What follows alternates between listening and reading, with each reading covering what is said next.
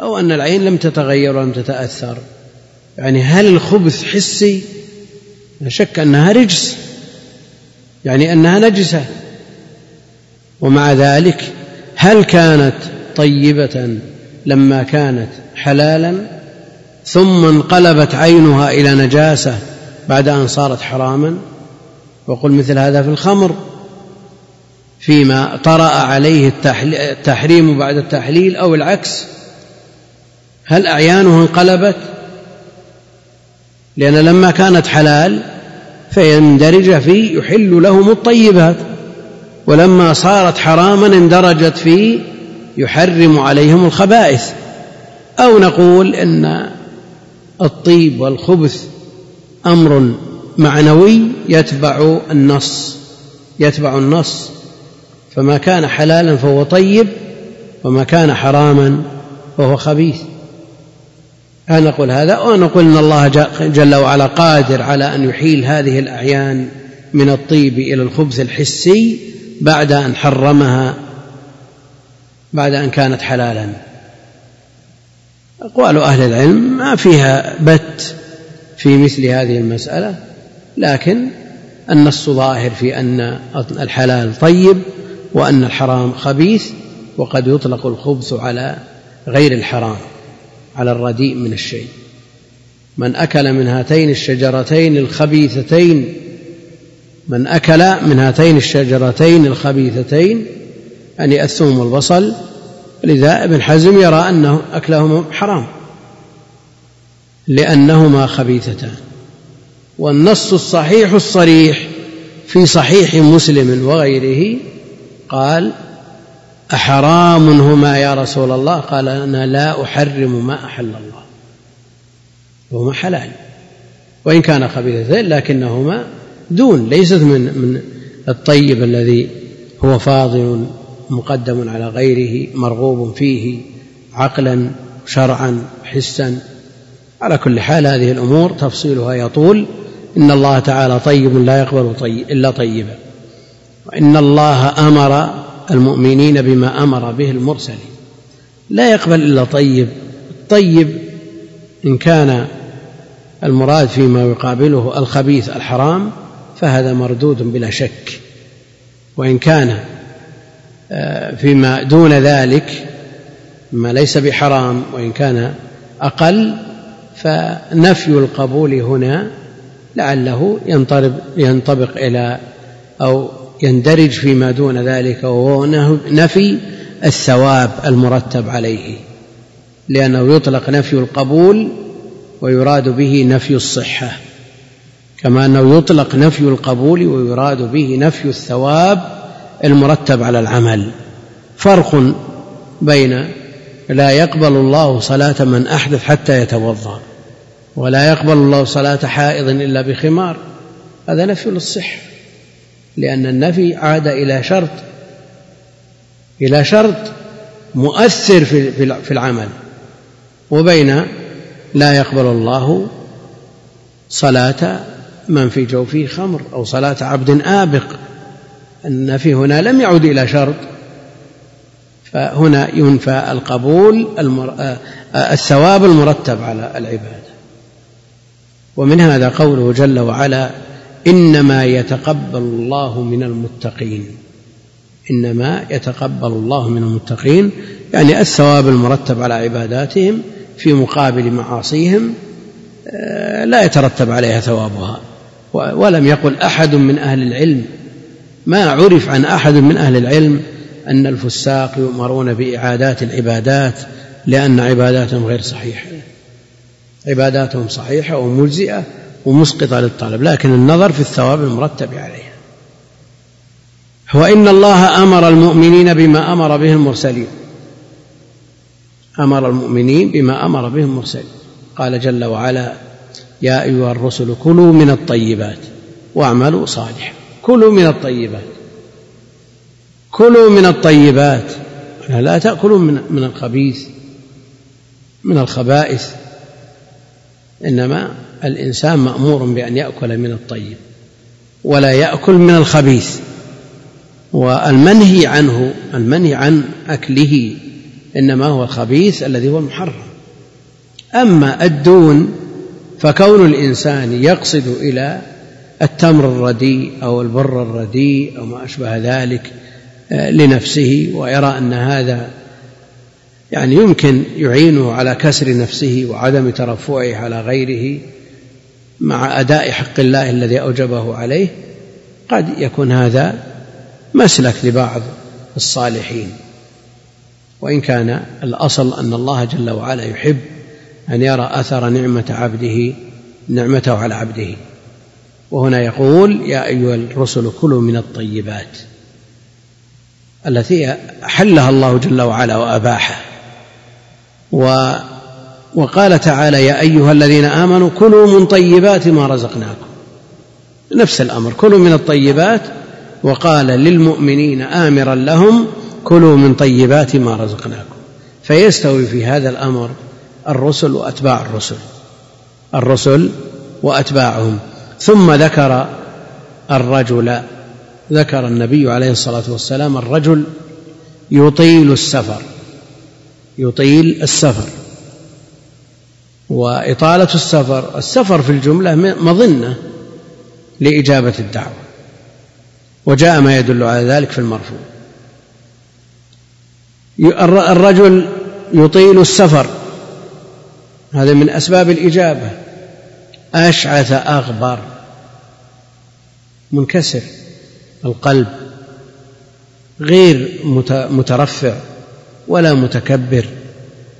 النبي عليه الصلاة والسلام لما خرج لصلاة الاستسقاء خرج عليه الصلاة والسلام متواضعا متذللا متخشعا متضرعا ليكون أدعى إلى إجابة الدعوة. أشعث أغبر لأن الإنسان لا شك أنه يتأثر إذا لبس الجديد أو ركب الفاخر. فاره أو سكن المسكن الواسع الجميل لا شك أن نفسيته تتأثر. بينما إذا لبس الوسط لا يقال يلبس الرديء الخلق بحيث يزدريه الناس. لا. يلبس يتوسط في أموره يركب المتوسط من المركوبات يسكن المتوسط من البيوت. والدنيا ليست دار مقر. الدنيا ليست بدار مقر وإنما هي ممر. فلا تكون محل عناية الإنسان وهمه الأول والآخر. إنما همه تحقيق ما خلق من أجله وهو عبودية الله جل وعلا. والاستعانة بمتع هذه الدنيا ليصل بذلك إلى تحقيق الهدف. ولا تنس نصيبك من الدنيا. وبعض الناس عكس. جعل الهدف اللهث وراء هذه الدنيا وجمع الحطام والملبس الفاخر والمسكن الواسع الفاخر والمركب الفاره وهكذا. أن يأتي الإنسان ليجاور في بيت الله الحرام أو في مسجد رسوله عليه الصلاة والسلام ثم يبحث عن أرقى الفنادق. الأمر أقل من أهون من ذلك. قد يشغله هذا المسكن عما هو بصدد وقد لا يعان على اجتماع قلبه إذا إذا وقف بين يدي الله جل وعلا في مثل هذا المسكن. فالتوسط في الأمور هو المطلوب. أشعث أغبر يمد يديه يعني جاء في الخبر البذاذة من الإيمان. البذاذة من الإيمان. ولا يعني أن الإنسان يلبس الرديء من كل شيء أو يأكل الرديء من كل شيء أو يسكن الرديء بحيث يمقته الناس ويزدرونه. المسلم عزيز بدينه عزيز بدينه عليه يتوسط في أموره في أموره كلها وكذلك جعلناكم أمة وسطا. أشعث أغبر يمد يديه إلى السماء. ورفع اليدين في الدعاء جاء في أكثر من مئة حديث. جاء في أكثر من مئة حديث. وجمع فيه أجزاء لأهل العلم. أجزاء في رفع اليدين في الدعاء وهذا هو الأصل. ما لم يكن في أثناء في عبادة. فإن العبادة تؤدى كما جاءت عن القدوة عليه الصلاة والسلام. الصلاة صلوا كما رأيتموني أصلي. فلا يرفع يديه في الصلاة إلا فيما جاء فيه الرفع. لا يرفع في يديه في الخطبة إلا فيما جاء فيه الرفع. وهكذا. أما ما عدا ذلك فالأصل في الدعاء رفع اليدين. يمد يديه إلى السماء. والله جل وعلا يستحيي أن يرد يدي عبده إذا رفعهما إليه صفرا. يمد يديه. يطيل السفر. أشعث أغبر يمد يديه إلى السماء من أسباب إجابة الدعوة. يا رب يا رب. والدعاء بيا رب جاء في أكثر الأدعية القرآنية. يا رب ربنا ربنا. وجاء في خواتم سورة آل عمران في العشر الآيات الأخيرة منها. تكرار ربنا خمس مرات. حتى قال جم من أهل العلم أن الإنسان إذا ضمن دعاءه المصدر بربنا أو يا رب خمس مرات فإنه حري بالإجابة. لأن لما تمت الخمس قال الله جل وعلا فاستجاب لهم ربهم فاستجاب لهم ربهم. فاستعمال هذا الاسم من أسماء الله جل وعلا من أسباب الإجابة. فعندنا الأسباب متوافرة. يطيل السفر وأشعث ويمد يديه إلى السماء ويستعمل هذه الصيغة. يا رب يا رب. الأسباب متوافرة.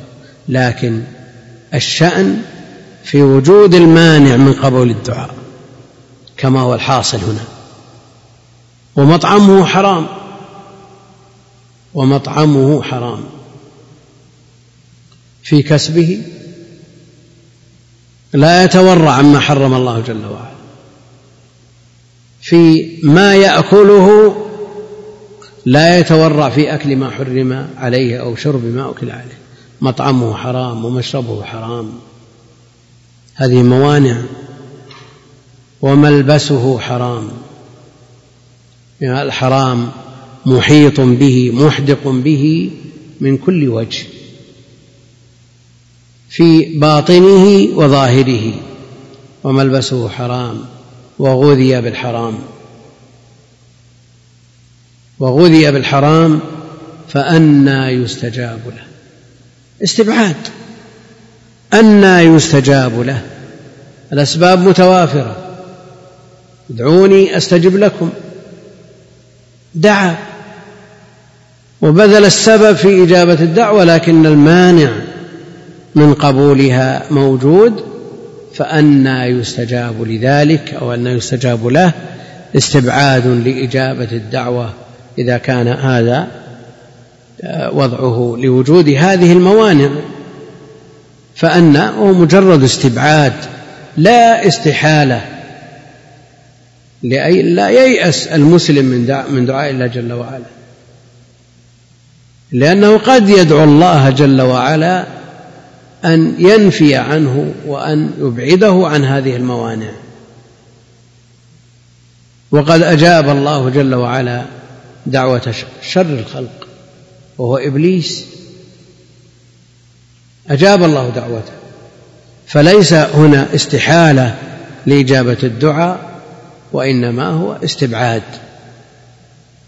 بهذا نعرف خطأ من يقول وقد سمعت من بعض طلاب العلم مع الأسف أننا إذا طلب منا الاستسقاء يعني طلب ولي الأمر من المسلمين الاستسقاء. قال بعضهم إن هذا استهزاء واستخفاف بأمر الله وشأنه. نتخوض في الحرام من كل وجه. ثم بعد ذلك نخرج نستسقي, نستسقي. وقد استسقينا واستسقينا واستسقينا فلم نسق هذا خطأ شنيع نسأل الله العافية. هذا هو الاستحسار من جهة. هذا هو الاستحسار دعوت دعوت فلم أرى يستجاب لي. هذا من جهة. الأمر الثاني أنه استبعاد واستحالة لما عند الله جل وعلا. نعم النبي عليه الصلاة والسلام يقول فأنا يستجاب له ليحرص المسلم على التخلص من هذه الموانع. قال سعد يا رسول الله ادعو الله أن يجعلني مستجاب الدعوة. قال أطب مطعمك تكن مستجاب الدعوة. فالمطعم له شأن عظيم في إجابة الدعوة لكن لا يعني أننا نتفوه بمثل هذا الكلام. وفينا من الأخيار ومن الصالحين من ترجى إجابة دعوتهم. نعم عموم الناس دخلت عليهم الشبهات وبعضهم يزاول الحرام ويأكل الحرام ويتخبط في الحرام لكن لا يعني أن هذا معناه استحالة إجابة الدعوة. نعم يسعى المسلم بل عليه أن يسعى لانتفاء هذه الموانع لكن عليه أن يبدأ بإصلاح نفسه قبل غيره ثم بعد ذلك يدعو الناس الأقرب فالأقرب. فأنى يستجاب له وعرفنا أن هذا مجرد استبعاد لوجود الموانع وقد يغلب السبب المانع. وقد يغلب السبب المانع وقد يغلب المانع فلا يستجاب له حينئذ. والله جل وعلا يبتلي عباده فقد يستجيب لهم فورا حتى مع انتفاء الموانع قد لا يستجاب للإنسان في ظاهر الأمر لأنه ما من دعوة يدعو بها مسلم يعني بغض النظر عن وجود الموانع إلا أنه إما أن يستجاب له بما طلب أو يدفع عنه من الشر مقدار ما طلب أو أعظم وقد تدخر له هذه الدعوة إلى وقت هو أحوج. بها منه إلى هذا الوقت. نعم اقرأ الحديث. لأنه جاءنا اقتراحات من كثير من الأخوان أننا نشرح الأحاديث بطريقة مناسبة لهذا المختصر ولا نصنع مثل ما صنعنا في العام الماضي والذي قبله. فمعدل ثلاث أحاديث إن شاء الله في كل يوم إن استطعنا أن نشرح أربعة لنقلل المدة التي يشرح بها هذا الكتاب الذي هو أخصر كتاب في الحديث. يعني إذا أخذنا عشر سنوات في هذا الكتاب فماذا عن الكتب الأخرى؟ لا كأن لا سيما وأن الأحاديث اللي هي القواعد الكلية قد انتهت. يعني بقي أحاديث قواعد مهمة في في حياة المسلم وهي من جوامع الكلم لكن لعلنا نشرح في اليوم بدلا من حديث واحد ثلاثة أحاديث فنكون توسطنا في الأمر. وأنا أعرف واحد من المشايخ شرح الكتاب في ثلاثة دروس. ثلاثة دروس. وضعت دورة في أسبوع فانتهى منها في يوم الاثنين. لا هذا ولا هذا العاد صنيعنا الأول كل درس حديث واحد ولا أن نشرح في كل يوم عشرين حديث خمسة عشر حديث. يعني ثلاثة أربعة معدل طيب إن شاء الله. في سنتين نكون انتهينا من سم أو ثلاث. سم عن أبي محمد الحسن بن علي سبط رسول الله صلى الله عليه وسلم وريحانته رضي الله عنهما قال حفظت من رسول الله صلى الله عليه وسلم دع ما يريبك إلى ما لا يريبك رواه الترمذي والنسائي وقال الترمذي حديث حسن صحيح. في الحديث الحادي عشر يقول النووي رحمه الله تعالى في هذا الكتاب المختصر النافع عن أبي محمد الحسن بن علي بن أبي طالب. الحسن بن علي بن أبي طالب سبط رسول الله صلى الله عليه وسلم. السبط ابن البنت. السبط ابن البنت والحفيد ابن الابن. والسبط واحد الأسباط. واحد الأسباط. وأسباط بني إسرائيل. هم أولاد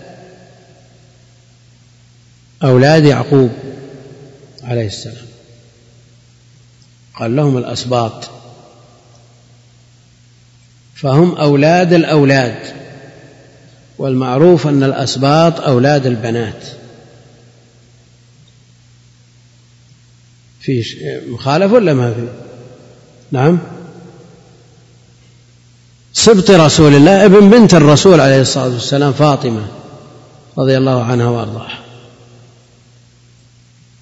وهذا هو المعروف في السبط في لغة العرب أنه ابن البنت. وقد يكون في اصطلاح من تقدم يشمل ابن البنت وابن الولد وابن الابن بدليل أن أسباط بني إسرائيل أولاد أولاد هم أولاد بنات. ولعل هذه التسميات التي لا يترتب على الاختلاف فيها أحكام شرعية الاصطلاح فيها واسع. الاصطلاح فيها واسع. ولا مشاحة في مثل هذا الاصطلاح.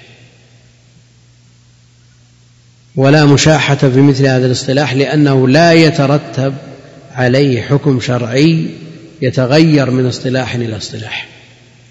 مثال ذلك العم أخو الأب لا يجوز بحال أن نسميه خالا. والخال اخو الأم لا يجوز بحال أن نسميه عما. لماذا؟ لأنه يترتب عليه أحكام شرعية. يترتب عليه أحكام شرعية. لكن أبو الزوجة بعض المجتمعات تسميه عم وبعض المجتمعات تسميه خال. ومثله أبو الزوج.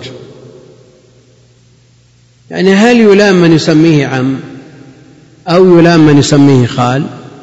نقول لا مشاحة بالاصطلاح. هو أبو الزوج أبو الزوجة لا لا يترتب عليه تغير في الحكم الشرعي. هل يترتب عليه تغير حكم؟ يعني يتأثر ميراثه إذا قلنا عم ولا خال؟ ولن يرث على كل حال. لن يرث سواء سميناه عما أو خالا. بخلاف العم أخي الأب والخال أخي الأم فإنه لا يجوز بحال أن نسمي أحدهما باسم الآخر. وهذه القاعدة التي يطلقها أهل العلم أنه لا مشاحة بالاصطلاح يجب تقييدها. يجب تقييدها.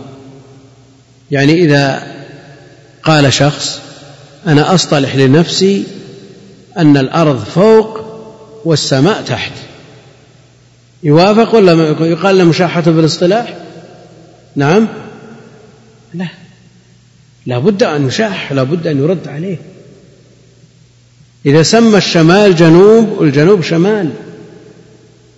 هذا تترتب عليه أحكام كثيرة. نقول شاحة في الاصطلاح. لكن في الخارطة مثلا. الناس مطبقون على أن الشمال فوق في الخارطة والجنوب تحت لو عكس صار الجنوب فوق والشمال تحت. من غير تغيير للواقع قلب الخارطة وجعل الجنوب تحت فوق والشمال تحت. نقول لا مشاحة بالاصطلاح ما يترتب عليه شيء ما يغير من الواقع شيء. وابن ابن حوقل من أوائل الجغرافيين العرب عكس الخارطة عنده فوق الجنوب. على كل حال هذه القاعدة يجب تقييدها. وعندنا سبط رسول الله صلى الله عليه وسلم هذا ابن البنت. كما هو واقعه رضي الله عنه وأرضاه. سبط رسول الله صلى الله عليه وسلم وريحانته رضي الله عنهما. رضي الله عنهما الضمير يعود على الحسن وأبيه. رضي الله عنهما لأنه ذكر الأب. الحسن بن علي لكن قد يقول قائل إنه ذكر أربعة. محمد الابن والحسن الأب وعلي أبو طالب ذكر أربعة. فالترضي يكون عن من؟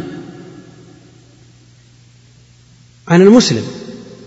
عن المسلم وغير المسلم لا يجوز الترضي عنه ولا الترحم عليه. مع أن العرف عند أهل العلم أن الترضي إنما هو للصحابة. فعندنا من الصحابة اثنان الحسن وعلي. أبو طالب مات على الكفر نسأل الله السلامة والعافية وحسن الختام. كما معروف في قصته في الصحيح ومحمد ليس بصحابي نعم يترحم عليه. كثيرا ما يقولون عن عمرو بن شعيب عن أبيه عن جده رضي الله عنهم. يعني على سبيل التبعية لعبد الله بن عمرو. رضي الله عنهما قال حفظت من رسول الله صلى الله عليه وسلم دع ما يريبك إلى ما لا يريبك. وحفظ أحاديث كثيرة جدا لكن أكثرها بواسطة لأنه من صغار الصحابة من صغار الصحابة. فكثير منها بواسطة وإذا كان ابن عباس لم يثبت عنه أنه روى مباشرة عن النبي عليه الصلاة والسلام إلا ما يقارب الأربعين حديثا وما عداه بواسطة, بواسطة فالحسن على قربه من النبي عليه الصلاة والسلام مثله. الصغير لا يحضر كل مجلس ولا يحفظ كل ما يسمع ولا ينتبه لكل ما يقال. على كل حال هذا الحديث الذي معنا مما حفظه من النبي صلى الله عليه وسلم. قال حفظت من رسول الله صلى الله عليه وسلم قوله دع ما يريبك إلى ما لا يريبك. دع يعني اترك اترك. والأمر مستعمل كما هنا. والمضارع مستعمل من لم يدع قول الزور والمصدر مستعمل. لينتهين أقوام عن ودعهم. والماضي منه أميت فلم يستعمل. ما استعمل الماضي من هذه المادة. ما في ودع معنى ترك. وقرئ في الشواذ ما ودعك ربك. لكنها قراءة شاذ. وأهل العلم ينصون على أن الماضي من هذه المادة قد أميت. استعمل الأمر كما هنا. دع ما يريبك اترك ما تشك فيه. وما من صيغ العموم. كل شيء يريبك وتشك فيه دعه بمعنى اتركه. يريبك من راب الثلاثي وقد يقال أراب يريب رباعيا. إلى اترك هذا الشيء الذي ترتاب فيه وتشك فيه إلى أمر أو إلى شيء لا تشك فيه ولا ترتاب فيه. وهذا من أصعب الأمور على كثير من الناس. من التخلي عن المشكوك فيه مع الحاجة إليه صعب. على النفوس مع أن البخاري ذكر عن حسان بن أبي سنان قال ما رأيت شيئا أهون من الورع. الورع سهل. ما رأيت شيئا أهون من الورع. دع ما يريبك إلى ما لا يريب. هذا الكلام من مثل حسان مقبول. لأن هذه منزلته. عرف عنه الورع الشديد مع أن سفيان استغرب هذا الكلام هو سفيان الثوري. من أئمة المسلمين ومن ساداتهم ومن أزهد الناس وأورعهم ومع ذلك يقول كيف يقول حسان هذا الكلام؟ لكنها مقامات. بعض الناس يظن هذا الأمر ضرب من الخيال. يعني بعض الناس ما يستوعب مثل هذا الكلام. لأنه لا يستطيع ولا يتصور أن أن يحصل منه هذا الأمر. بعض الناس إذا سمع أن قراءة القرآن في سبع أمرها سهل جدا هذا ما هو بصحيح. هذا مستحيل. فضلا عن أن يقرأ القرآن في ثلاث أو في يوم. هذا شيء لا يطاق في عرف كثير من الناس لأنه ما تعود هذا الأمر ولا أطر نفسه على هذا العمل. يعني يتعجب بعض الناس من صيام بعض الناس النوافل في الصيف وبعضهم يتعجب من قيام الليل في الليالي الشاتئه الطويلة ويرى أن هذا أمر لا يطاق لكن المسألة كل له مقامه. النبي عليه الصلاة والسلام قام حتى تفطرت قدمه عليه الصلاة والسلام لعلو مقامه ومنزلته ومكانه عند الله جل وعلا. وحسان بن أبي سنان يقول ما رأيت شيئا أهون من الورع. كلام النظر سهل دع ما يريبك المحك عند العمل المحك عند العمل إذا وقع بيدك شيء أنت بحاجة إليه اختبر نفسك في هذا المقام. وليس الأمر خاص بأمر الدنيا تجد متاع سيارة في كيفية عقدها شبهة. ثم تتجاوز وتسكت لا. حتى عند بعض طلاب العلم يقع في يده الكتاب النفيس النادر فيكون في عقده شيء يترك هذا الكتاب الذي وقع بيده بعد أن تعب عليه وحرص عليه وبحث عنه سنين. أو هذا سيدع هذا البيت الذي ما صدق أنه يوقع العقد. هذه أمور يعني فيها منازعة في النفوس وفيها مشادة فيها جذب وأخذ ورد لكن من يغلب نفسه هواه هذا هو السعيد. دع ما يريبك إلى ما لا يريبك أي شيء تشك فيه أي شيء فيه أدنى شبهة اتركه. كما تقدم في حديث النعمان بن بشير. الحلال بين والحرام بين وبينه أمور مشتبهات. من اتقى الشبهات فقد استبرأ لدينه وعرضه هكذا ينبغي لطالب العلم على وجه الخصوص والمسلم عموما أن يأطر نفسه على هذا الأمر. يبتعد عن الشبهات ليضع لنفسه سياجا يأمن معه ارتكاب المحرمات. والنفس لا نهاية لها. وعرفنا في دروس مضت أن سلف هذه الأمة يتركون من الحلال الشيء الكثير. يتركون من الحلال الشيء الكثير. لأن النفس إذا ضرت على شيء تعودت عليه لا تطيق فراقه.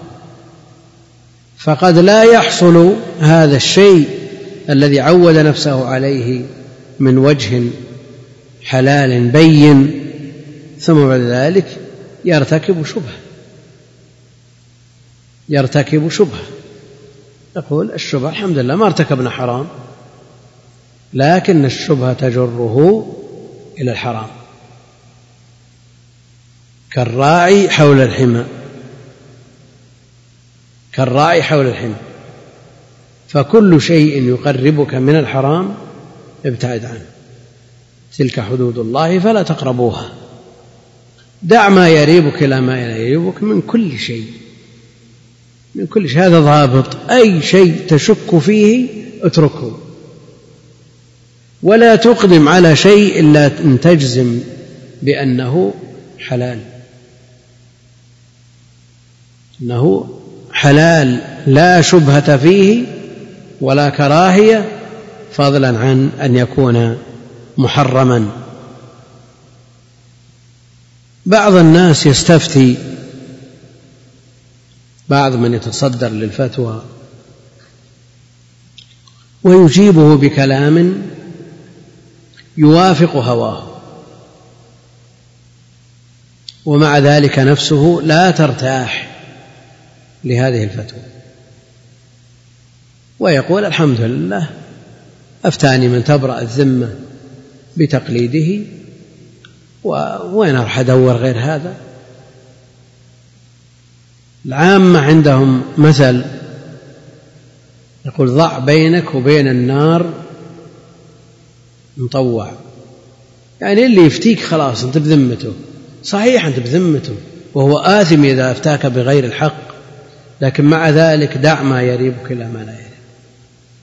والإثم ما حاك في النفس وتردد في الصدر ولو أفتاك الناس وأفتوك. فإذا أفتاك بما يوافق هواك وفي نفسك شيء منه لم تقتنع به عليك أن تسأل غيره. عليك أن تسأل غير هذا الذي أفتاك. نعود إلى حال حسان بن أبي سنان ويقول ما رأيت شيئا أهون من الورع دع ما يريبك إلى ما لا يريبك. هذا بالنسبة لأمور الآخرة وما يتعلق بالثواب والعقاب. ظاهر لكنه من أشد الأمور على النفوس. ذكرنا أن سفيان استغرب هذا الكلام من حسان. لكن حسان بالمقام الذي يناسب مثل هذا الكلام. وقد يقوله قائل ومقامه دون. قد نقوله يعني تبعا اتباعا للنص. تسأل فتقول دع ما يريبك إلى ما يريبك هذا الأمر سهل. نعم في الكلام النظري سهل لكن عند التطبيق من أصعب الأمور. يعني سهل على الإنسان أن يأتي إلى شخص مصاب ويصبره ويقرأ عليه النصوص لكن ماذا عنه نفسه لو أصيب؟ لو أصيب هو يستطيع أن يستحضر هذه النصوص ويصبر الصبر المطلوب؟ كثير من الناس لا يحتمل هذه. نعم عنده استعداد تام لتصبير غيره ويظهر بمظهر هو من أرضى الناس بقدر الله ثم إذا أصيب ظهرت النتيجة صفر. لأن الكلام النظري سهل والتطبيق العملي هو المحك. يعني بعض الناس يأتي إلى مريض مريض سكري مثلا يقول العلاج سهل يا أخي. اقبض يدك وأطلق رجلك. يعني لا تأكل كثير وامشي كثيرا. علاج سهل. لكن خليه يصاب هو تشوف يعني يصاب بنهم شديد على كل ما له أثر في هذا المرض. هذا مجرب عند المرضى كلهم. بعضهم بعض من يصاب يستغفل أهله زوجته وأولاده ويذهب إلى المستودع ويأكل من مما يؤثر فيه. يصاب بنهم قد لا يكون قبل قد يكون قبل ذلك ليست الشهوة بمثل ما هي عليه الآن بعد المرض. فالكلام العبرة بالتطبيق بالعمل. أما الكلام النظري هذا أكثر الناس يحسنه. سهل لكن دع ما يريبك إلى ما يريبك. إذا قاله مثل حسان بن أبي سنان فمنزلته مثل ذلك بل قيل عنه إنه أرفع من ذلك. رحمه الله. هذا الحديث يدخل كسابقه إن الله طيب لا يقبل إلا طيبا يدخل في كل شيء. يدخل في كل شيء. حتى جعلوه من الأحاديث الأربعة التي جاءت في نظم طاهر بن مفوز الذي ذكرناه في أول حديث. عمدة الدين عندنا كلمات أربع من قول خير البرية. ها اتق الله. اترك الشبهات وازهد ودع ما ليس يعنيك واعملن بنية. دع ما يريبك إلى ما لا يريبك. يدخل في الاعتقادات نفيا واثباتا. فلا تثبت لله جل وعلا إلا ما تجزم بثبوته عنه وما كان مشكوكا فيه. ولم يتفق عليه علماء هذه الأمة من سلفها وأئمتها فإنك لا تثبته لله جل وعلا. إذا أردت أن تصلي صلاة يختلف فيها أهل العلم من الصلوات الخاصة التي جاء فيها بعض النصوص التي يختلف أهل العلم في ثبوتها ونفيها. صلاة التسابيح صلاة الرغائب صلاة كذا صلاة كذا. لا تقدم على هذه العبادة إلا مع عدم الشك في ثبوتها لئلا تتعبد لله جل وعلا بما لم يشرعه.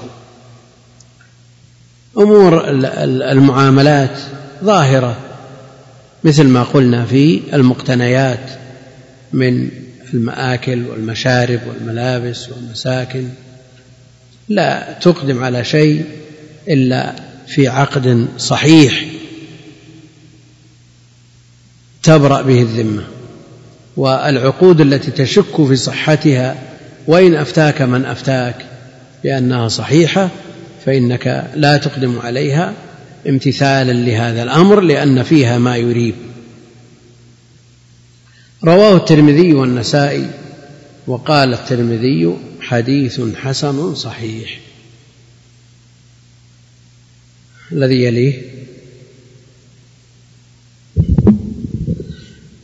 عن أبي هريرة رضي الله عنه قال قال رسول الله صلى الله عليه وسلم من حسن إسلام المرء تركه ما لا يعنيه.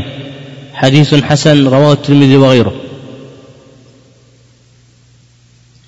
في الحديث الثاني عشر يقول المؤلف رحمه الله تعالى عن أبي هريرة رضي الله تعالى عنه قال قال رسول الله صلى الله عليه وسلم من حسن إسلام المرء تركه ما لا يعنيه. حديث حسن رواه الترمذي وغيره هكذا يعني موصولا عن أبي هريرة عن النبي عليه الصلاة والسلام ورواه غيره مرسلا. اختلف فيه العلماء في وصله وإرساله لكن الترمذي حكم عليه بأنه حسن.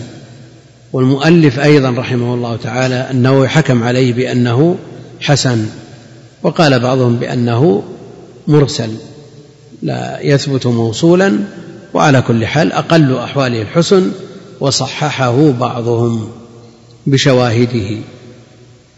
عن أبي هريرة رضي الله تعالى عنه قال قال رسول الله صلى الله عليه وسلم من حسن إسلام المرء تركه ما لا يعنيه من حسن إسلام المرء تركه ما لا يعنيه يعني من كماله وتمامه. وهو محمول على ما لا يعنيه من المباحات. تركه ما لا يعنيه من المباحات. لا يتدخل فيما لا يعنيه. لا يتدخل في شؤون غيره. لا يسأل عما لا حاجة له به. لا ينظر إلى ما لا يحتاج للنظر لا يستمع إلى ما لا يحتاج استماعه. ما لا ينفعه في دينه أو دنياه وليس بحاجة لهذه الأمور لأنها لا تعنيه. فمن تمام إسلامه وحسن إسلامه وكماله أن لا ينظر إلى هذه الأمور.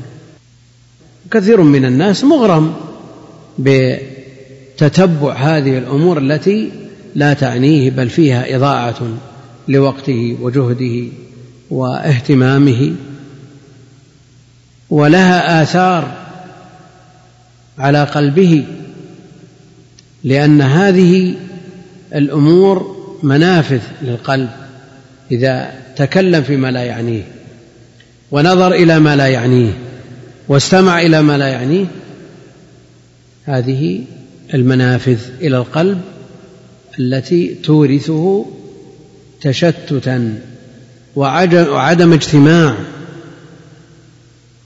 فيصاب بالغفلة. يصاب بالغفلة إذا أكثر النظر في الأمور التي لا تعنيه. وهو ماش في طريقه هذه العمارة ما شاء الله كم دور ولمن؟ ولماذا فعلوا كذا؟ ولماذا كان اللون كذا؟ ولماذا؟ هذا لا يعنيك. اشتغل بما يعنيك. لو أنت قلت سبحان الله وبحمده سبحان الله العظيم بدلا من هذا من هذا الفضول لكان أكمل لإسلامك وأحفظ لقلبك. ومثله الاستماع. بعض الناس يحب سماع كل شيء وإذا فاته شيء سأل عنه ماذا قال فلان؟ ماذا حصل؟ ماذا؟ بعضهم فضول النظر وهذه الأمور هي التي تصيب القلب بالتشتت والغفلة عما يراد من الإنسان. فمنافذ القلب السمع والبصر واللسان فضول القول فضول النظر فضول الاستماع فضول النوم فضول الأكل كل هذه الفضول الإنسان ليس بحاجة إليها. إنما يقتصر على ما يحتاج إليه ويقتصر على ما يعنيه. من حسن إسلام المرء تركه ما لا يعنيه. قد يقول قائل وقد قيل في بعض الوسائل أن الأمر بالمعروف والنهي عن المنكر تدخل في شؤون الغير. ويدخل في هذا الحديث من حسن إسلام المرء تركه ما لا نقول لا. هو مأمور به شرعا فهو يعنيه. مأمور بالأمر بالمعروف فهو مما يعنيه. مأمور بالنهي عن المنكر فهو يعنيه. ولو تركه لأخل بواجب أوجبه الله عليه فهو آثم بسببه على حسب قدرته واستطاعته. يعني يردد في الوسائل أن هذا الأمر والنهي تدخل في شؤون الغير. فهو في الحقيقة لا يعنيه نقول لا يعنيه بل هو ملزم به شرعا. وإذا طلب منه من رأى منكم منكرا فليغيره. هذا نقول لا يعنيه وهو مأمور به أمر صريح. هو باستنباط. أمر صريح فليغيره. بيده فإن لم يستطع فبلسانه فإن لم يستطع فبقلبه فهذا يعنيه. ولا يمكن أن يقال إن هذا الأمر يعني مالك دخل بالناس كلمة يردده. ما عليك من الناس. كل نبي يدفن بقبره لحاله لا أنت بتسأل عن هذا المنكر الذي رأيته فلم تغيره. لأنك مأمور وداخل في عموم من من رأى منكم؟ والمراد بالرؤية هنا أعم من البصرية.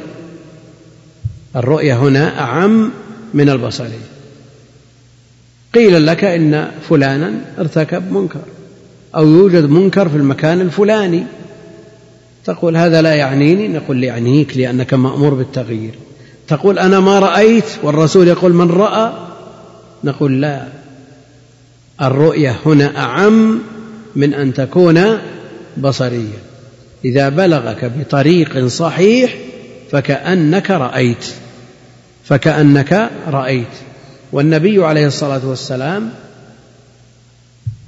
خوطب بالرؤية في أمور لم يرها لأنها بلغته بما يثبت به الخبر. ألم ترى كيف فعل ربك بعاد؟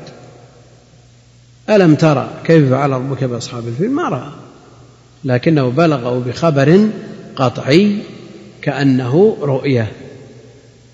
وإلا لو قلنا أن ما جاء بالنصوص بلفظ الرؤية يقتصر على البصرية لقلنا إن الأعمى لا يلزمه الأمر والنهي ولا يلزمه الغسل إذا احتلم لأنه لم يرى الماء. هل على المرأة من غسل إذا هي احتلمت؟ قال نعم إذا هي رأت الماء. طيب لو قدرنا أنها في ليل في ظلام وقد جزمت يقينا أن الماء قد خرج أو جزم الأعمى أو الرجل في الظلام أنه قد خرج منه الماء نقول لا لا يغتسل لأنه ما رأى الماء؟ هل يمكن أن يقول بهذا أحد؟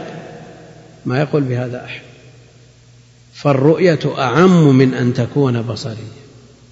فإذا بلغك المنكر بمن يثبت بقوله الخبر عليك أن تنكر. نعم عليك أن تتثبت عليك أن تتريث لا تتعجل لأن الأساليب الآن الكيدية تنوعت وتعددت فيمكن أن يشاع خبر فإذا استعجل الإنسان في إنكاره خفت مصداقيته. ثم إذا تكرر منه ذلك صار كلامه وجوده مثل عدمه. فنقول عليك أن تتثبت فإذا ثبت لديك بما لا مجال فيه للشك عليك أن تغير عليك أن تنكر.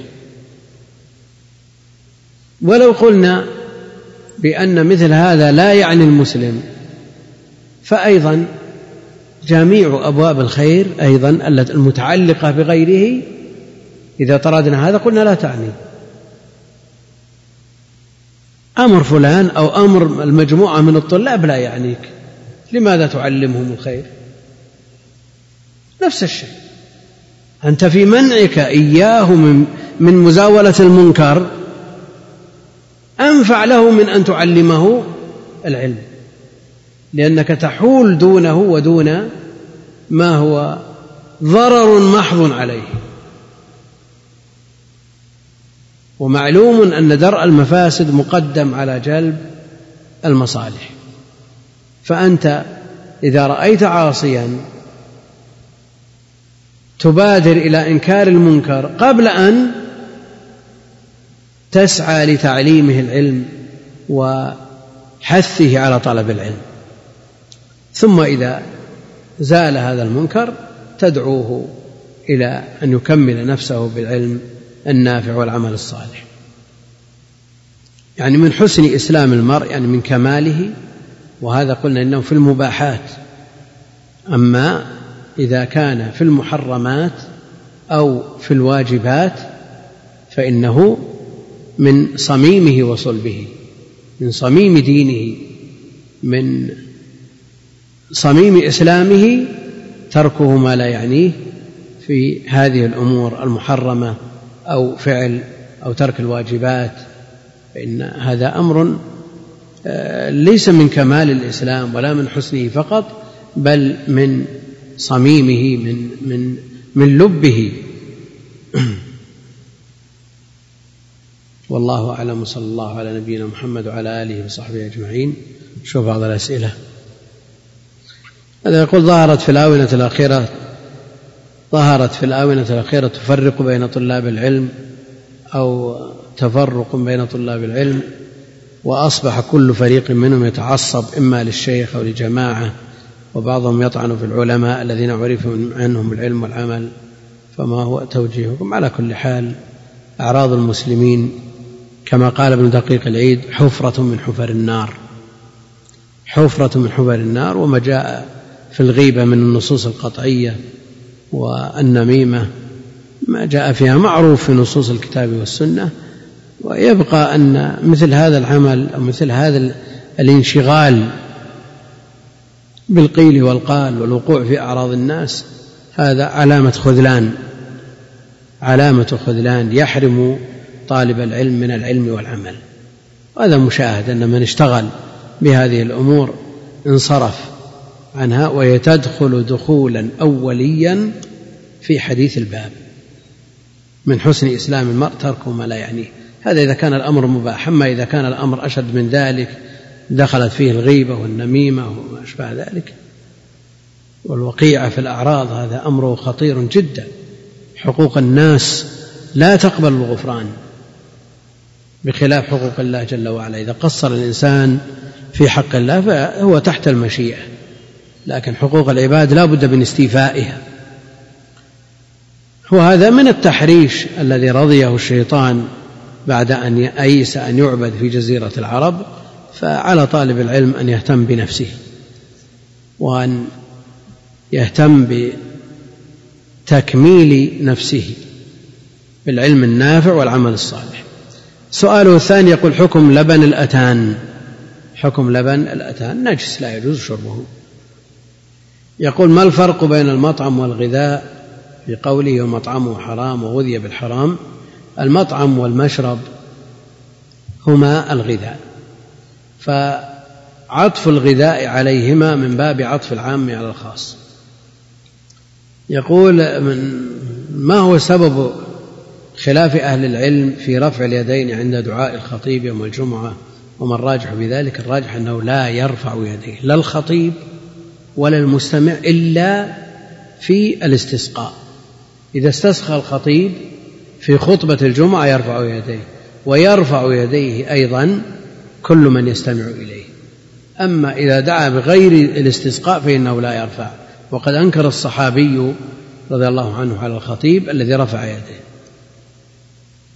قل يذكر بعض أهل العلم أن النووي تراجع عن عقيدته الأشعرية وألف رسالة في هذا ستخرج قريبا على كل حال النووي في كتبه كلها يقرر عقيدة الأشعرية وحري به ليرجع لكن مع ذلك هو النووي رحمة الله عليه له من الحسنات الشيء الكثير والذي يغلب على الظن من خلال مؤلفاته أن نفس الإخلاص فيه ظاهر ونفس الزهد والعبادة واضح وعلى كل حال ليس هو بالمعصوم كونه خالف الاعتقاد هذه زلة عظيمة وهفوة كبيرة والذي نراه أنه مقلد في هذا الباب ليس بمجتهد.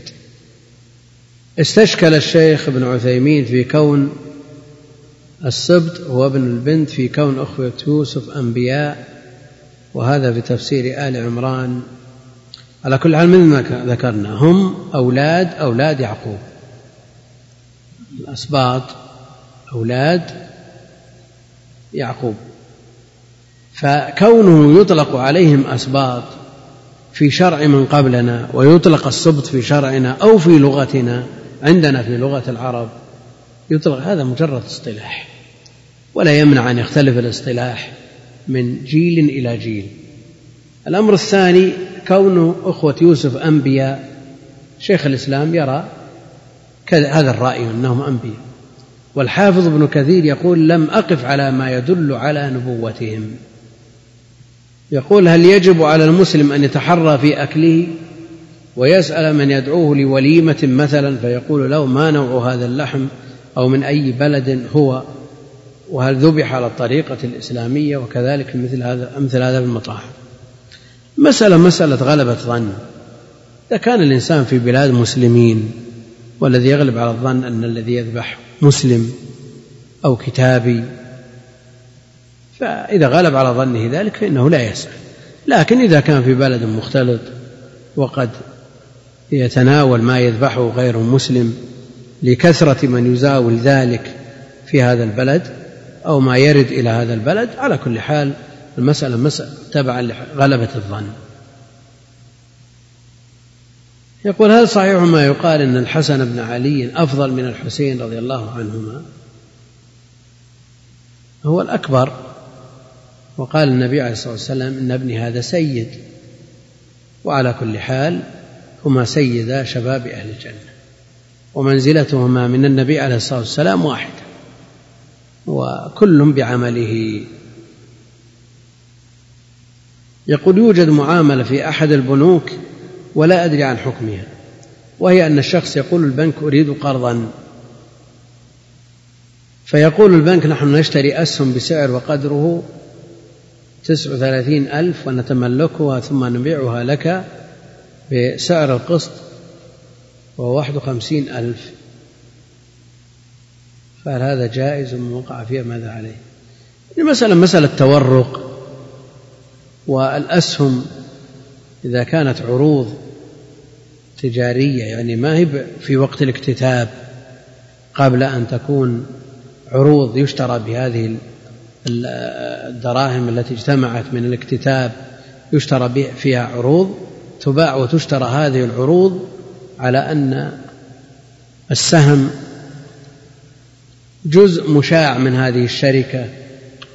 إذا كانت الشركة نقية والذي يفتى به جواز بيع وتداول هذه الأسهم.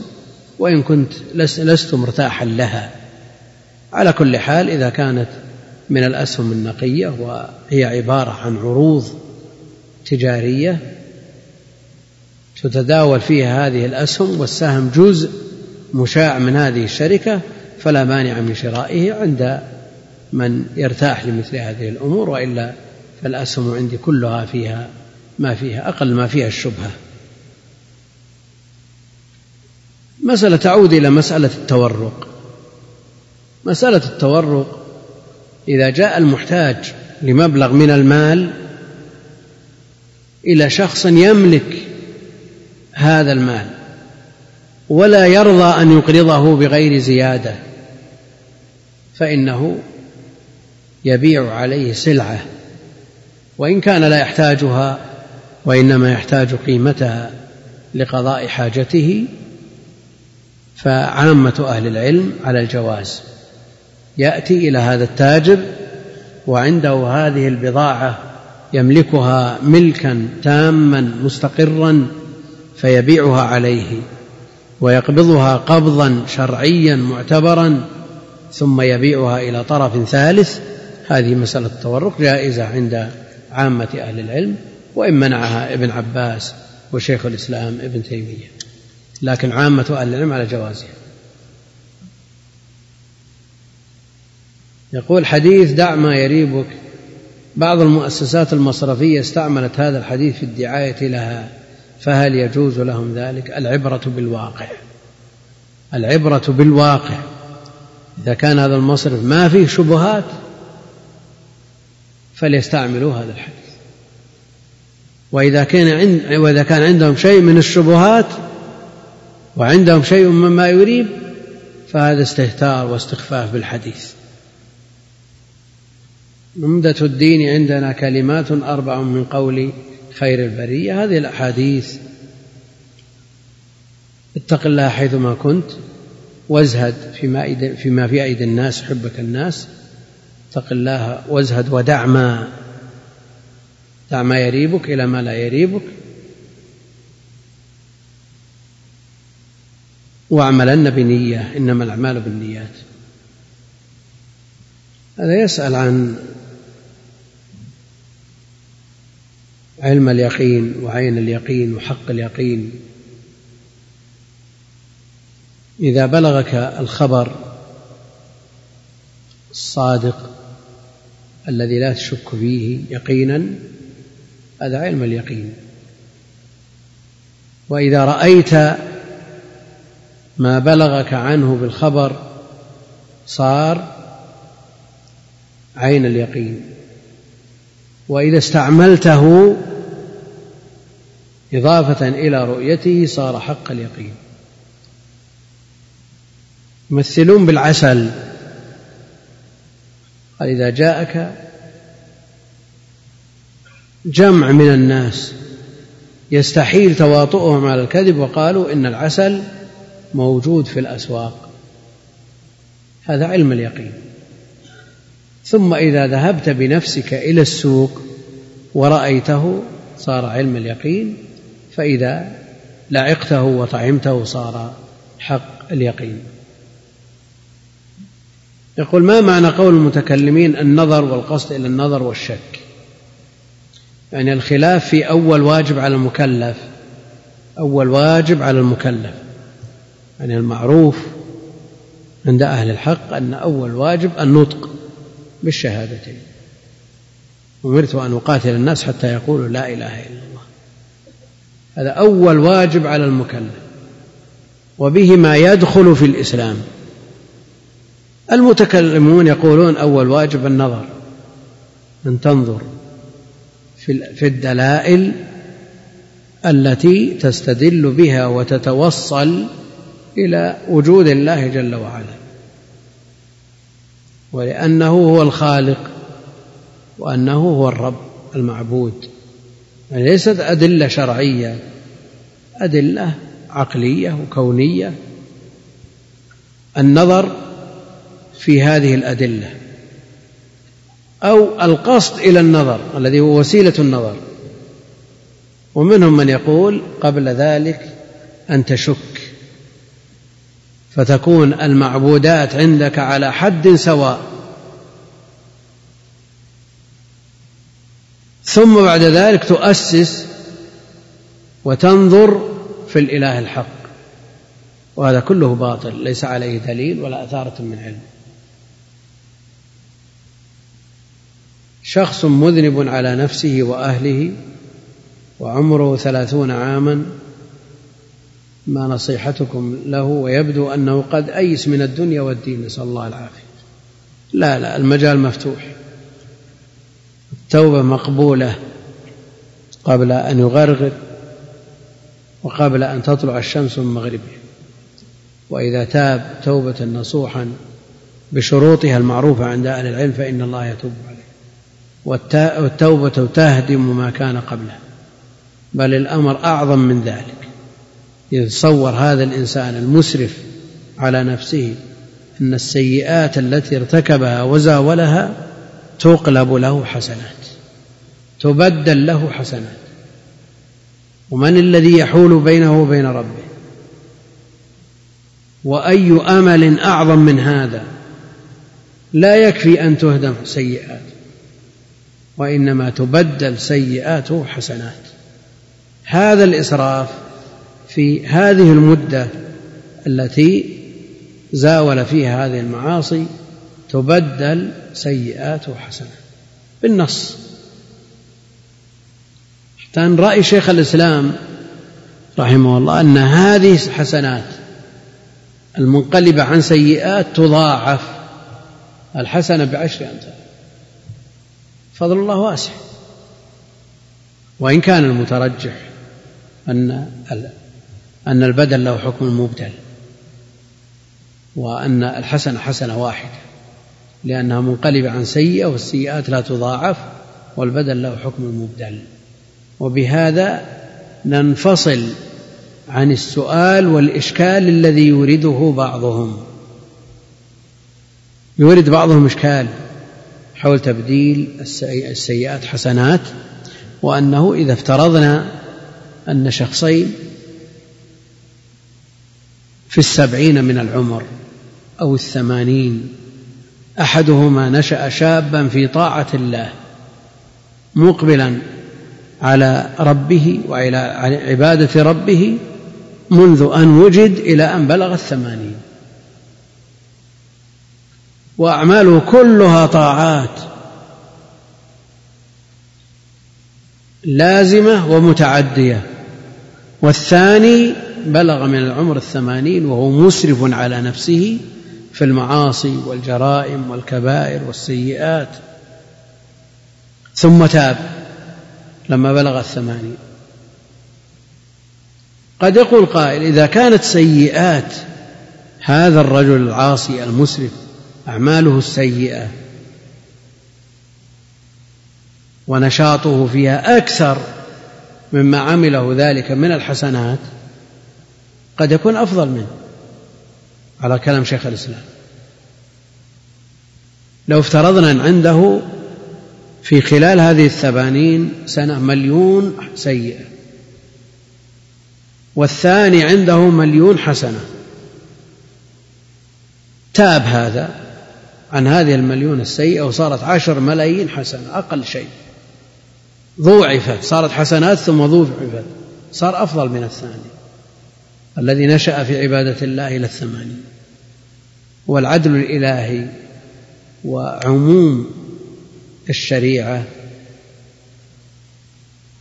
ونصوصها وقواعدها لا يأتي بمثل هذا لأن الشرع مدح من نشأ في طاعة الله وقلبه معلق في المساجد وجاء نصوص كثيرة في هذا الأمر. بينما هذا الشخص الذي نشأ على الشر والفساد طيلة عمره. إذا قلنا إن حسناته أن حسناته المبدلة من سيئات لا تضاعف وحسنات الآخر مضاعفة انفصلنا عن هذا الإشكال. والقاعدة أن البدل له حكم المبدل يقول رجل أراد العمرة لكن لم يحرم من الميقات ماذا عليه؟ أهل العلم يلزمونه بأنه ترك نسك عليه دم. وهذا هو القول الوسط في المسألة. يعني خلاف قول سعيد بن المسيب الذي يقول لا شيء عليه وقول سعيد بن جبير الذي يقول لا حج له. المسألة بين هذين القولين قول جمهور أهل العلم أنه ترك نسكا فعليه أن يريق دما. هذا يقول؟ أعتقد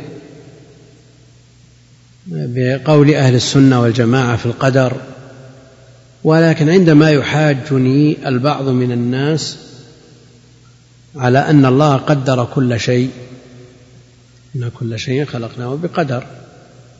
قدر المقادير قبل أن يخلق الخلق خمسين ألف سنة. ولكن عندما يحاجني البعض من الناس على أن الله قدر كل شيء حتى قدر مصائر الناس من في الجنة والنار وأنه تعالى أعطى العبد المشيئة ولكن مع ذلك لا يشاء العبد إلا تبعا لمشيئة الله. فكيف يكون الجواب؟ إذ النهاية أن الأمر بيد الله ولا يكون شيء إلا ما كتبه الله. الصحابة سألوا النبي عليه الصلاة والسلام إذا كان كل شيء مقدر فلم العمل؟ فقال اعملوا فكل ميسر لما خلق له. كل ميسر لما خلق. له وأنت حينما تحكم على نفسك بأنك محكوم عليك ومقدر عليك ومفروغ من أمرك والله جعل لك مشيئة واختيار. هداك الطريقين هداك السبيلين هداك النجدين. وأنت حر مختار. نعم لن تخرج عن قدر الله بحال لكن لك أن تختار لنفسك أن تصلي أو لا تصلي. يعني إذا سمعت المؤذن هل في أحد يمنعك أن تقوم وتتوضأ وتذهب إلى المسجد وتصلي؟ فأنت إذا فعلت ذلك فأنت اخترت طريق الهدى. وإن قلت أنه مكتوب علي في القدر في الأزل لماذا أفعل؟ لماذا لا لماذا أصلي؟ وأنا مكتوب علي ومقدر علي قلت أنت اخترت الطريق الثاني. طريق النار نسأل الله السلامة والعافية. فالله جل وعلا قدر عليك لكن هداك النجدين وأعطاك حرية تستطيع أن تزاول بها ما كلفت به. فعليك أن تفعل ما أمرت به وما وراء ذلك اتركه لله جل وعلا. واحرص أن تكون ممن كتبت له الهداية. والطريق واضح السبيل ظاهر. يقول في حديث عمارة بن رؤيبة الذي أنكر رفع اليدين وقال إن النبي عليه الصلاة والسلام يثبت عنه إلا رفع الأصبع عند الدعاء. نعم ثبت عنه عليه الصلاة والسلام أنه كان يحرك إصبعه يدعو بها. أنه يسن للخطيب رفع إصبعه عند الدعاء في الخطبة. وهل يقال مثل ذلك في حق المستمع؟ كل حال المستمع عليه أن يستمع عليه أن ينصت وإذا رفع أصبع حرك أصبعه لا يضره إن شاء الله تعالى. يقول كيف أنكر على أمر لم أره ولا أستطيع أن أغيره لعدم القرب والمباشرة؟ إذا لم تره ولم يبلغك بطريق صحيح لا يلزمك إنكار. لكن إذا رأيته سواء كان ببصرك أو بعلمك الذي لا تشك فيه فأنت داخل في حديث من رأى منكم منكرا فليغيره. وكونك بعيدا عنه لا يمنع أن تنكره بوسيلة مناسبة ولو بالاتصال الهاتفي أو برسالة أو ما أشبه ذلك. يقول رأينا بعض العلماء يخرج في المساجد وفي القنوات الفضائية كث اللحية ولا يأخذ منها شيء ثم ما يلبث إلا وقد أخذ منها شيئا فشيئا مع أن مع العلم أن هذه الظاهرة تتزايد فما السبب؟ على كل حال يوجد من يفتي بالقص والأخذ من اللحية مستدلا بما ذكر عن بعض الصحابة كابن عمر وأبي هريرة وغيرهما وعدوا من الصحابة بضعة عشر لكن العبرة بما ثبت عن النبي عليه الصلاة والسلام فهو القدوة وهو الأسوة وتعرف قراءته من خلفه باضطراب لحيته وجاء في وصفه عليه الصلاة والسلام أنه كث اللحية وجاء الأمر بإعفاء اللحية توفير اللحى وإكرام اللحى فكيف يعارض قوله وفعله بقول غيره أو فعله؟ وما من مسألة من مسائل الدين إلا ويوجد من الصحابة إلا ما ندر الأمور المجمع عليها إلا ما ندر إلا ويوجد من الصحابة من لم يبلغه الخبر فتجده يخالف لأنه لم يبلغه الخبر أو بلغه الخبر لكنه تأول كابن عمر. ابن عمر حينما أخذ من لحيته في النسك خاصة متأولا. ما جاء في آية الفتح محلقين ومقصرين. فإذا حلق رأسه وهو يرى الجمع بينهم فماذا بقي للتقصير؟ ما بقي إلا اللحية. فإذا كان هذا تأويله فكيف يقتدى به؟ باستمرار يعني في كل مناسبة وفي كل ويجعل هذا هو الأصل مع أن ما جاء عن النبي عليه الصلاة والسلام من فعله وقوله صريح وواضح. يعني جاء مسائل لا يقول بها إلا أهل البدع. وذكر عن بعض الصحابة أنه كان يفعل. يعني حينما يذكر عن ابن عباس أنه يرى المتعة مع أنه ثبت عنه الرجوع. هل نقول أن المتعة حلال لأن ابن عباس حبر الأمة وترجمان القرآن يقول بها؟ وعمر يقول لا أوتى بناكح المتعة إلا جلدته الحد. يعني ما من مسألة من المسائل إلا ويوجد من يخالف فيها. فهل العبرة بالمخالف أو العبرة بالأصل القدوة والأسوة النبي عليه الصلاة والسلام. والله المستعان. والله أعلم صلى الله وسلم وبارك على عبده ورسوله نبينا محمد وعلى آله وأصحابه أجمعين. السلام عليكم ورحمة الله وبركاته. هذا يقول ذكر بعض الشراح أن الطيب من أسماء الله استدلالا بهذا الحديث ما مأخذ استدلاله. ذكرنا أن هذا قول لبعض أهل العلم وأن من أهل العلم من ذكره في الأسماء الحسنى. ومنهم من يقول أن هذا جاء على سبيل الإخبار ولا تثبت التسمية بخبر ما لم نص على أنه اسم لأن دائرة الإخبار أوسع. والأمر في هذا في ساعة إن شاء الله. يقول توجد خاصية بأجهزة الحاسب الآلي توفر لك البحث عن شبكات الاتصال بالإنترنت وبعض الناس إذا بحث عن الشبكات ربما يحصل عليها من جيرانه أو ممن يستخدمون الإنترنت ممن هم قريبون منه. يقول هو هل يجوز أن أستخدم هذه الشبكة وأتصل منها بالإنترنت بدون علم علم صاحبها الأساسي؟ وبعضهم يقول إن صاحبها لم يضع الرقم السري للشبكة مما يعني أنه موافق لمن يبحث عن الشبكات إن يستفيد منها. ولكن ولا يعلم هل أحد استفاد من شبكته. هل هذا الفعل يعتبر من التعدي على مال المسلم؟ على كل حال إذا كان المشترك الذي دفع المال للاشتراك يستخدمها في الخير ويتضرر من استخدامك لاشتراكه فهذا لا يجوز. أما إذا كان يستعمل هذا الاشتراك في غير الخير فلا مانع من مزاحمته حينئذ وتقليل الشر بالنسبة له ولو يتضرر بذلك. هذا إذا كان يستعملها في غير الخير. وإذا كان لا يتضرر بذلك فالأمر فيه ساعة إن شاء الله نعم يقول ذكر بعض الشراح أن تشديد الذال في غذي غلط مع أنها وردت في المصابيح مشددة فما الصواب في ذلك؟ هل وردت في المصابيح؟ قال بتشديد الذال المعجمة أو ضبطت بالشكل وعليها شدة شراح قاطبة يقولون بالتخفيف. هذا يقول نود توجيه كلمة عن الإجازة وما ينبغي للإنسان أن يعمل فيها. الإجازة كما هو معلوم نوع من الفراغ بالنسبة للارتباط الرسمي والفراغ من نعم الله جل وعلا للإنسان. وكثير من الناس مغبون في هذه النعمة بحيث تضيع أوقاته سدى. نعمتان مغبون فيهما كثير من الناس. الصحة والفراغ. هذا الفراغ من الارتباط الرسمي الذي يوفر لك الوقت لتتقرب إلى الله جل وعلا بما ينفعك في دينك ودنياك.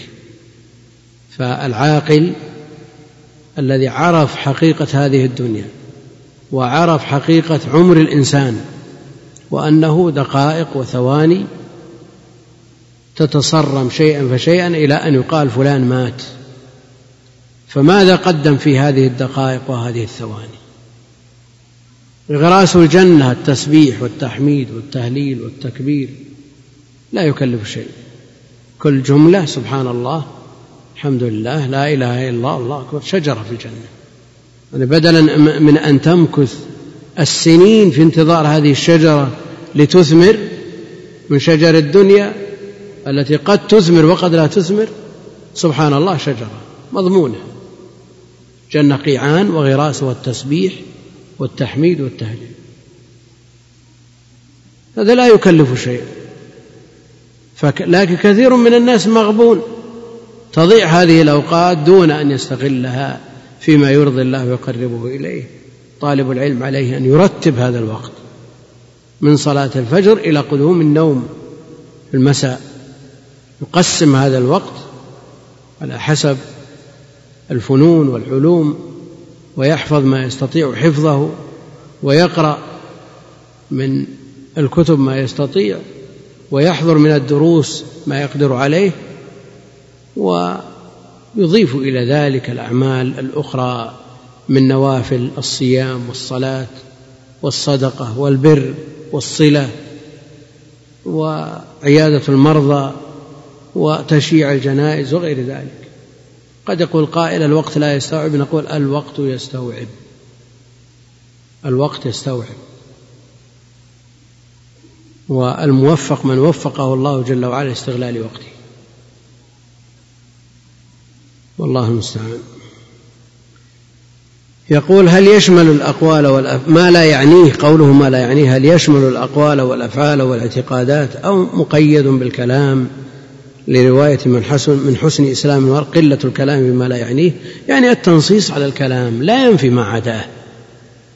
لأنه فرد من أفراد ما التي هي للعموم. ما لا يعنيه من أي شيء. ينصرف عنه. ويهتم بما ينفعه. التنصيص على الكلام لأهميته. فالتنصيص على بعض أفراد العام لا يقتضي التخصيص. يقول هل المضاعفة فيما زاد على العشر حسنات لا يكون إلا لمن حسن إسلامه كما في رواية مسلم؟ نعم المضاعفة إلى العشر لكل مسلم. ويبقى أن المضاعفات الكثيرة على حسب قوة الإيمان وصدق اليقين وصحة العمل وحسن الإسلام. إلى سبعمائة ضعف إلى سبعمائة ضعف وجاء في خبر مخرج في المسند وغيره ومضعف عند أهل العلم لكن أهل العلم يتداولونه في مثل هذا الباب يقولون إن الله لا يضاعف لبعض عباده الحسنة إلى ألفي ألف حسنة مليونين حسنة فضل الله لا يحد والحديث ضعيف. هذا ببريطانيا يقول يكثر عندنا تربية القطط. في البيوت فما حكم إطعامها من لحوم الميتة؟ أولا تربية القطط معروف أن لها وعليها. تنجس الأماكن وهي من الطوافين يحسن إليها بلا شك وتأكل الحشرات المؤذية فلها وعليها. يبقى أن الأصل في مثل هذا الجواز لكنها لا تباع ولا تشترى. لا يدفع فيها الأموال. قد نهى عن ثمن السنور. وأما إطعامها للميتة فلا مانع منه لأنها تأكل ما لا يجوز أكله من غير نكير تأكل الفئران وتأكل وفي حكم الميتة. وهذا من أمريكا. يقول جاري مشترك في إنترنت لاسلكي وبثه يصل إلى جهازي فهل يجوز لي أن أستخدمه من غير إذن؟ هذا تقدم الجواب عليه. سم. الحمد لله وصلى الله وسلم على سيدنا محمد. أما بعد عن أبي حمزة أنس بن مالك رضي الله عنه خادم رسول الله صلى الله عليه وسلم عن النبي صلى الله عليه وسلم قال لا يؤمن أحدكم حتى يحب لأخيه ما يحب لنفسه. رواه البخاري ومسلم. الحمد لله رب العالمين وصلى الله وسلم وبارك على عبده ورسوله نبينا محمد وعلى آله وأصحابه أجمعين. أما بعد فيقول المؤلف رحمه الله تعالى في الحديث الثالث عشر عن أبي حمزة هذه كنية أنس بن مالك خادم النبي عليه الصلاة والسلام.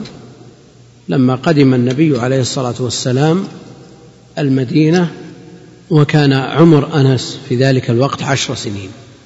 جاءت به أمه إلى النبي عليه الصلاة والسلام وقالت إن ابني هذا يريد أن يخدمك. فخدم النبي عليه الصلاة والسلام عشر سنين إلى وفاته عليه الصلاة والسلام. وكان سنه عند وفاة النبي عليه الصلاة والسلام عشرين سنة عشر وعشر. استفاد من قربه من النبي عليه الصلاة والسلام ما لم يفده غيره وإن لم يحفظ عنه عليه الصلاة والسلام مثل ما حفظ أبو هريرة. على كل حال النبي عليه الصلاة والسلام قاسم والله المعطي. مع ذلك دعا له النبي عليه الصلاة والسلام بكثرة المال والولد والبركة فبورك له في ذلك كله. وطال عمره إلى سنة ثلاث وتسعين. من الهجرة ومات عن مائة وثلاث سنين. مناقبه وفضائله وما لا تكاد تحصى. على كل حال هو خادم النبي عليه الصلاة والسلام. له هذه المزية وهذه المنقبة. يشاركه بعض الصحابة في شيء من الخدمة لكنه متفرغ لخدمة النبي عليه الصلاة والسلام. عن النبي صلى الله عليه وسلم قال لا يؤمن أحدكم حتى يحب لأخيه ما يحب لنفسه رواه البخاري ومسلم. لا يؤمن الأصل في النفي نفي حقيقة الشيء نفي حقيقة الشيء لكن النفي هنا لا ينفي حقيقة الإيمان ولا أصل الإيمان إنما ينفي كمال الإيمان الواجب. كما يقول أهل العلم